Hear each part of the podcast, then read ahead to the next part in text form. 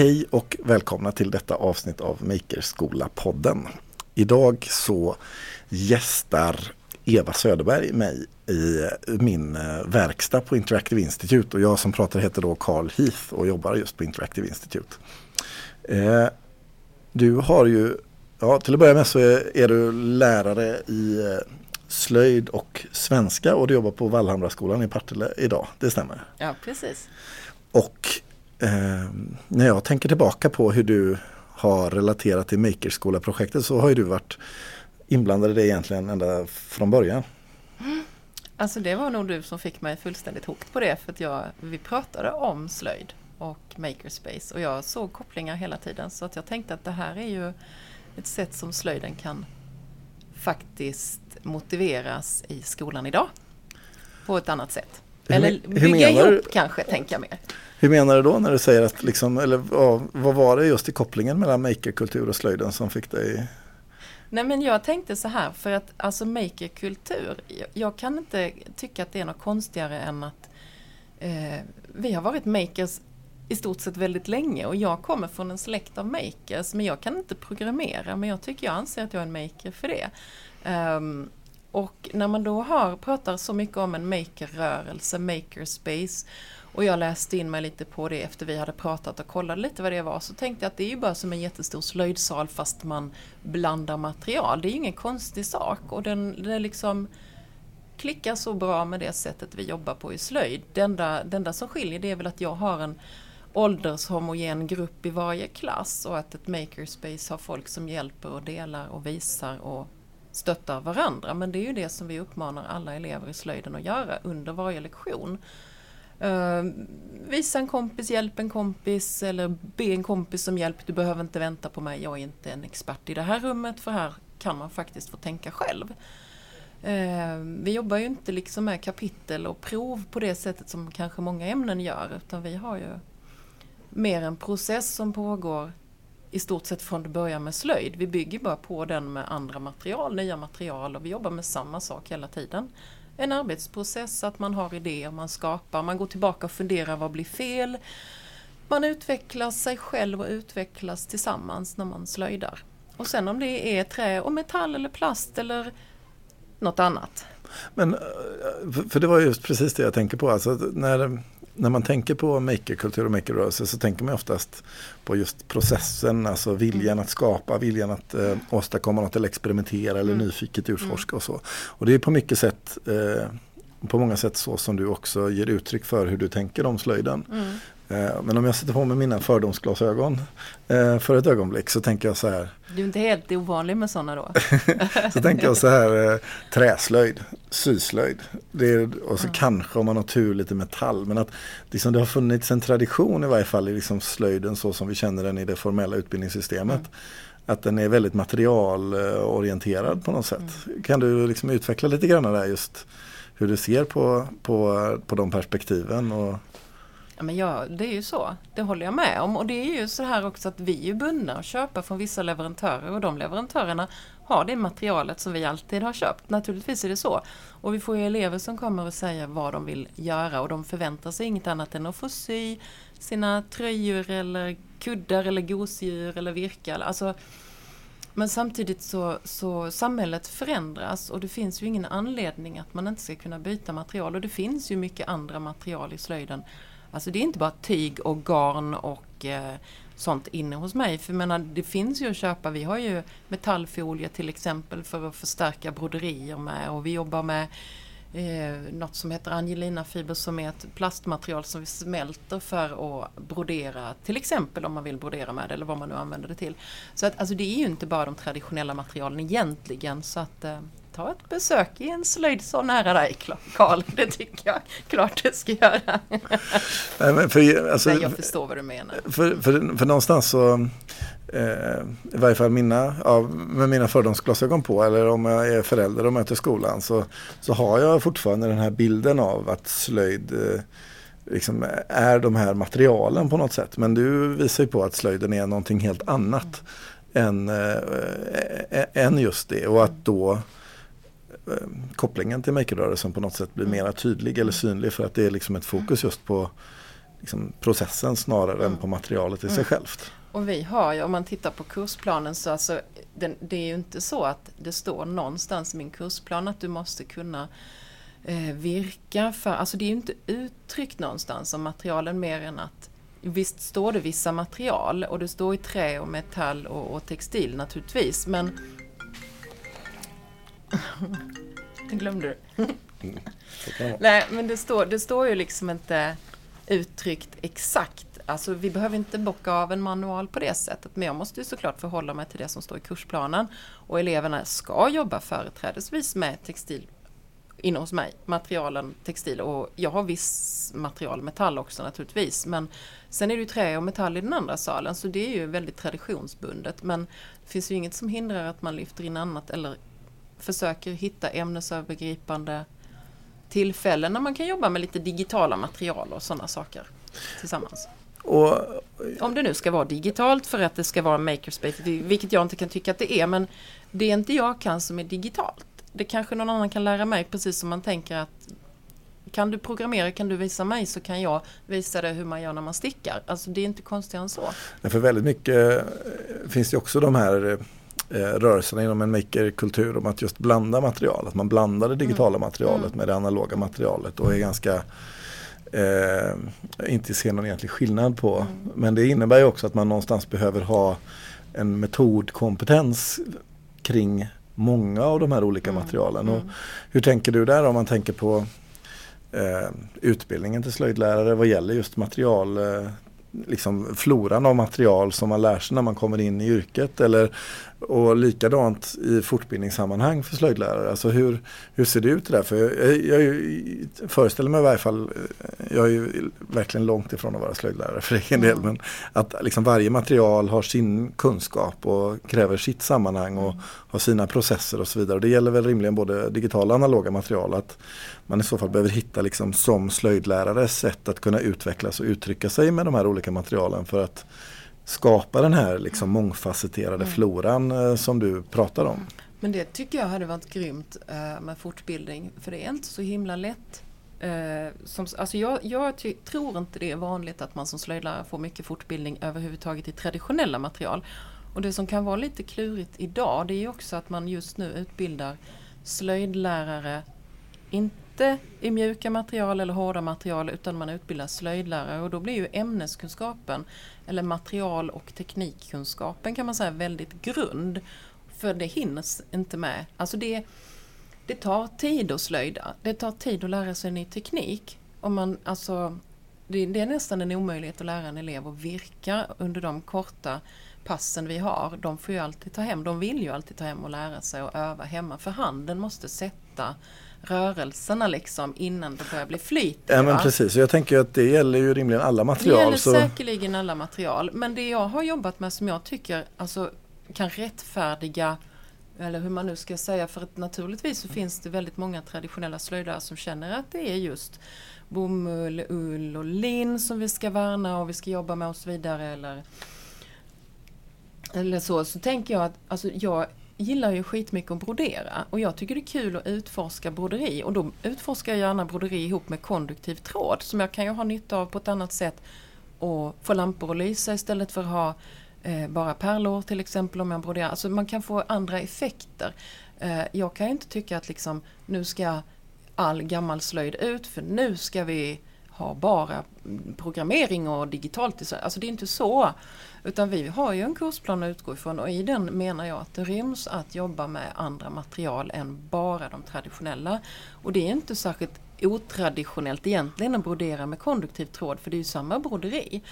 Ehm, jag kan ju se skillnad att brodera med pärlgarn, molinégarn, lingarn. Det är jättestor skillnad. Man måste arbeta på ett annat sätt med det. Precis som man måste arbeta på ett annat sätt med en konduktiv tråd som är lite trögare i sin struktur och man får vara lite mer försiktig. Det blir mer knutar och så vidare. Alltså, där handlar det ju om att finslipa hantverket broderi tänker jag snarare än att jobba med att nu ska jag få lysdioderna att funka. Så alltså det, man har ju olika ingångar i det också men det är rätt så spännande när det funkar med nya material för då får man en annan dimension i det tycker jag. Men om jag ska vara lite djävulens advokat då så skulle man ju kunna säga liksom att ja, men det finns stöd för det här i skolans eh, kapitel 2 i, i läroplanen och det är bara att köra liksom. Men sen så ska du mm, bedöma och betygsätta och eh, det finns en hel process och det finns eh, eh kursplaner och sådär. Hur, liksom, hur ser du utvecklingen av slöjdämnet i relation till det vi pratar om nu med liksom en breddad materialportfölj och flera olika tekniker samtidigt som vi har eh, den eh, kurs och läroplansstruktur som vi ser som vi har idag. Ja men teknikerna de, de går jag inte ifrån. Alltså vad heter det, um, sån här lysande wire finns det man kan liksom... Elwire. Elwire. Mm. Det är jag skitsugen på att testa och virka med till exempel. Jag undrar vad som händer då. Och jag menar det är ju fortfarande inte, jag går ju inte från virkning. Jag kan ju fortfarande säga att jag kan virka i detta materialet. Likaväl som jag klipper remsor i trikå och virkar en grövre matta med så kan jag väl lika gärna testa vad som händer i det och det kanske jag kan jag vet inte hur det funkar, är det lite stadigt och stelt och så kanske man kunde göra någon skulptur med det som liksom, Alltså jag menar, det finns ju tusen saker som inte gör att jag går ifrån min kursplan. Alltså jag håller ju fortfarande med till kursplanen. Däremot kan jag ju inte försvara och säga att nu ska vi inte jobba med hantverk. Alltså jag kan ju fortfarande prata om gamla traditionella, alltså när uppkom virkningen? Vad var det man virkade för och vad finns det för typer av virkning och vilka masker är det man måste kunna? Eh, det kan jag fortfarande prata om beroende på vilket, alltså det spelar ingen roll med materialet. Men jag kan liksom inte säga att nu ska vi jobba med elektronik. Mm. Nej, men det, det kan vi ju ta i samband mm. med Så det handlar mycket om liksom... eller fysikläraren och vi jobbar i ett projekt. Men för mig handlar det mer om processen att experimentera med olika material. Så, så det du säger är liksom det att liksom, man kan jobba på samma sätt men det handlar om vilken vinkel man bemöter det hela med och liksom var man sätter fokus i själva processen. Ja så ser jag det idag mm. i alla fall. Och det, men det som jag också tycker är så himla häftigt med slöjd det är ju att alltså, det bästa du kan göra det är att göra fel. Och det vet jag inte Jo, det säger säkert många andra lärare, men jag tror inte att eleverna förstår det, för sen kommer provet. Och då ska du fan med göra rätt om du ska klara betyget. Så alltså just lite... liksom förutsättningarna i slöjdämnets liksom mera processorienterade natur i sig självt. Metodiken i mm. slöjden passar så förbaskat bra att utforska material, utforska mm. um, olika sätt att jobba med olika material. För du väver ju in mycket liksom, eh, digitala processer i något avseende i din slöjd med det här angreppssättet. Och nu har ju eh, regeringen precis gett i uppdrag till eh, Skolverket att utreda en ny IT-strategi för grundskolan. Mm. Och eh, de säger också att eh, det ska införas programmering på schemat i någon mening. exakt hur är inte tydligt än men, men att programmering ska finnas i grundskolan är ett en del i det uppdraget från regeringen och till Skolverket att göra en översyn kring. Och då tänker jag att programmering är ju en del av den digitala floran och tekniken är en annan och det mm. hänger ju i många mm. sammanhang kan det ju såklart hänga ihop med att man programmerar uttryck i eh, det fysiska digitala materialet och som sen man slöjdar mm. in i mm. liksom sammanhanget och sådär. Men, men eh, hur ser du just på den, eh, på den utvecklingen vi står inför nu? I England har man infört programmering och i Finland men det är inte självklart att man associerar det till den typen av sammanhang som du befinner dig i. Ser du att eh, Ser du möjligheter med den typen av koppling? Och det finns ju de som också säger att liksom, men stoppa in programmering i skolan och så kastar vi ut slöjden. Alltså det, den, det, liksom i andra precis, änden av skalan. Precis det har nog provocerat igång. Det, dels att vi pratade mycket om makerspaces och makerkultur i början när vi sågs för rätt länge sedan. Eh, och sen den här, eh, alltså jag blir så trött, den kommer med jämna mellanrum alltså. Nu ska vi ha något nytt i skolan, då kastar vi ut eh, slöjden. Ja men det är så onödigt. Och då, jag, jag blev så himla provocerad och det har kickat igång mig i alla fall. För att, alltså, vi kan, jag kan ju förstå att man tycker att slöjd, det kan man hålla på med på fritiden om man inte ser någon nytta med det. Men då, alltså det som jag är helt övertygad om att alla slöjdlärare med mig ser nyttan med, det är just elevens utveckling. Eh, självförtroendet när du skapar. Eh, det finns inga rätt och fel utan det finns ditt sätt att göra det på. Och sen kan du titta på mitt sätt att göra det på så kan vi jämföra och fundera över om vi kom till samma lösning ändå eller om, om man kan göra en utveckling på det. Alltså det här processen hela tiden. Va? Men alltså jag vet inte, programmering, jag kan inte programmera. Alltså jag förstår lite grann men jag kan inte säga att jag kan programmera. Vad jag har förstått så är det ett språk. Är det inte det?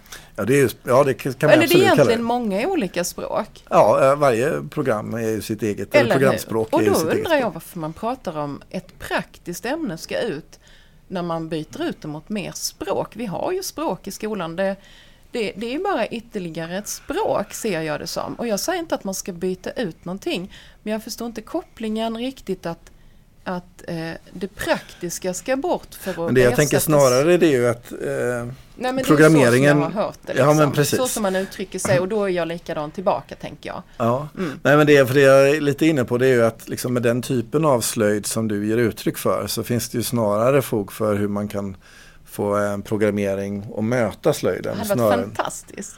Och, och, då, För då kunde mina lampor blinka lite också.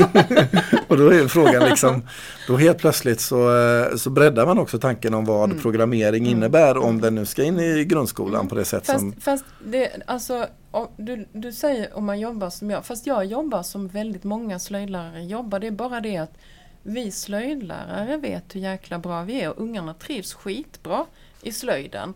Eh, men de har lite svårt att se, eh, enligt nationella utvärderingar så har eleverna väldigt svårt att se nyttan med slöjden men de har jättekul och tycker om det och vill absolut ha mer av det. Och är svårt att få dem att gå ut ur salen många gånger. Eh, vi måste ju bli bättre på att tala om vad det egentligen är vi gör och jag tror att, att ehm, alla de som har de här lite tra traditionella glasögonen på sig kanske behöver ge sig in i en slöjdsal och fundera över vad är det som händer där inne. För att om man inte tittar på produkten som jag tycker är sekundär, om man tittar på processen istället, ta och kolla på de här ungarna som sätter igång i slöjden och inte kan sluta och hur de samarbetar.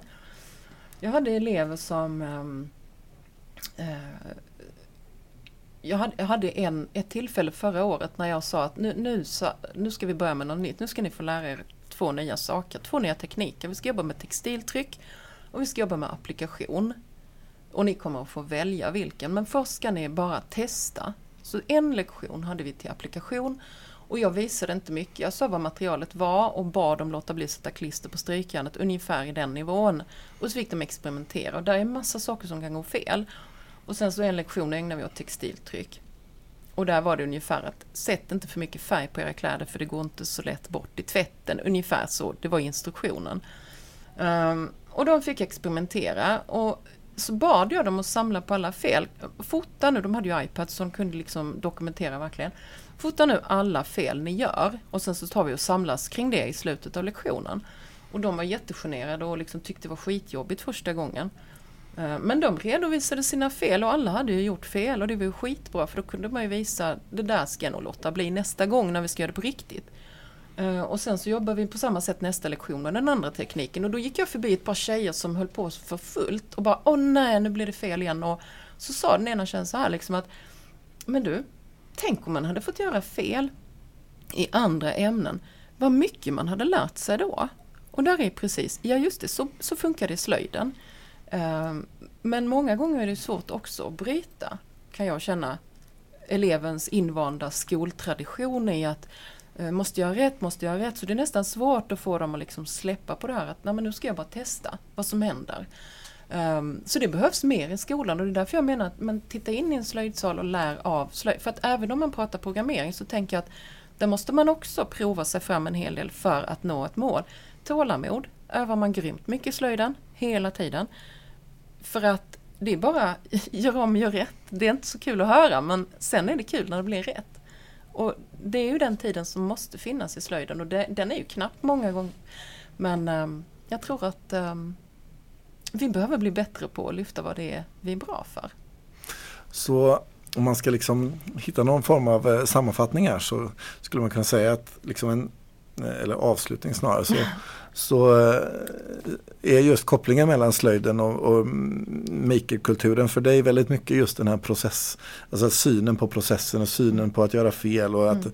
experimentet och eh, att pröva sig fram och den här ganska så eh, sorglösa eh, synsättet på olika material Mm. men ändå utmaningarna som Mm. finns där någonstans med just kompetensen som krävs för att kunna möta alla de här olika både materialen och Mm. metoderna som, Mm. som blir i den här vidare slöjden Mm. om man nu kallar den för det. Och inte bara prövandet och processen utan alltså skapandet. Att man gör det faktiskt själv med egna händer. Och det är så påtagligt för du ser resultatet av det. Och jag menar, det är ju jättemånga av mina elever som tar hem sina resultat. Och använder dem och kanske till och med ger bort dem i present till någon. Det gör de inte med sina prov. Alltså det, det, det är väldigt, just det där när man lyckas och skapa någonting och alla de försöken som ligger bakom och allt det blod, svett och tårar. Nej, men de, faktiskt blod ibland också. De sticker sig då och då. Nej men alltså det är det här att de har gjort själv. Alltså jag tror den känslan, alltså den kan de nog lyfta med sig många gånger i andra sammanhang också. Och ehm, det är det som jag upplever att ett makerspace ska vara. En makerkultur ska innehålla. Och den behöver inte innehålla något digitalt. Min mormor var en maker. Hon var född 1914. Hon blev 100 år. Tack Eva för att du tog dig tid att vara med i podden. Tack själv!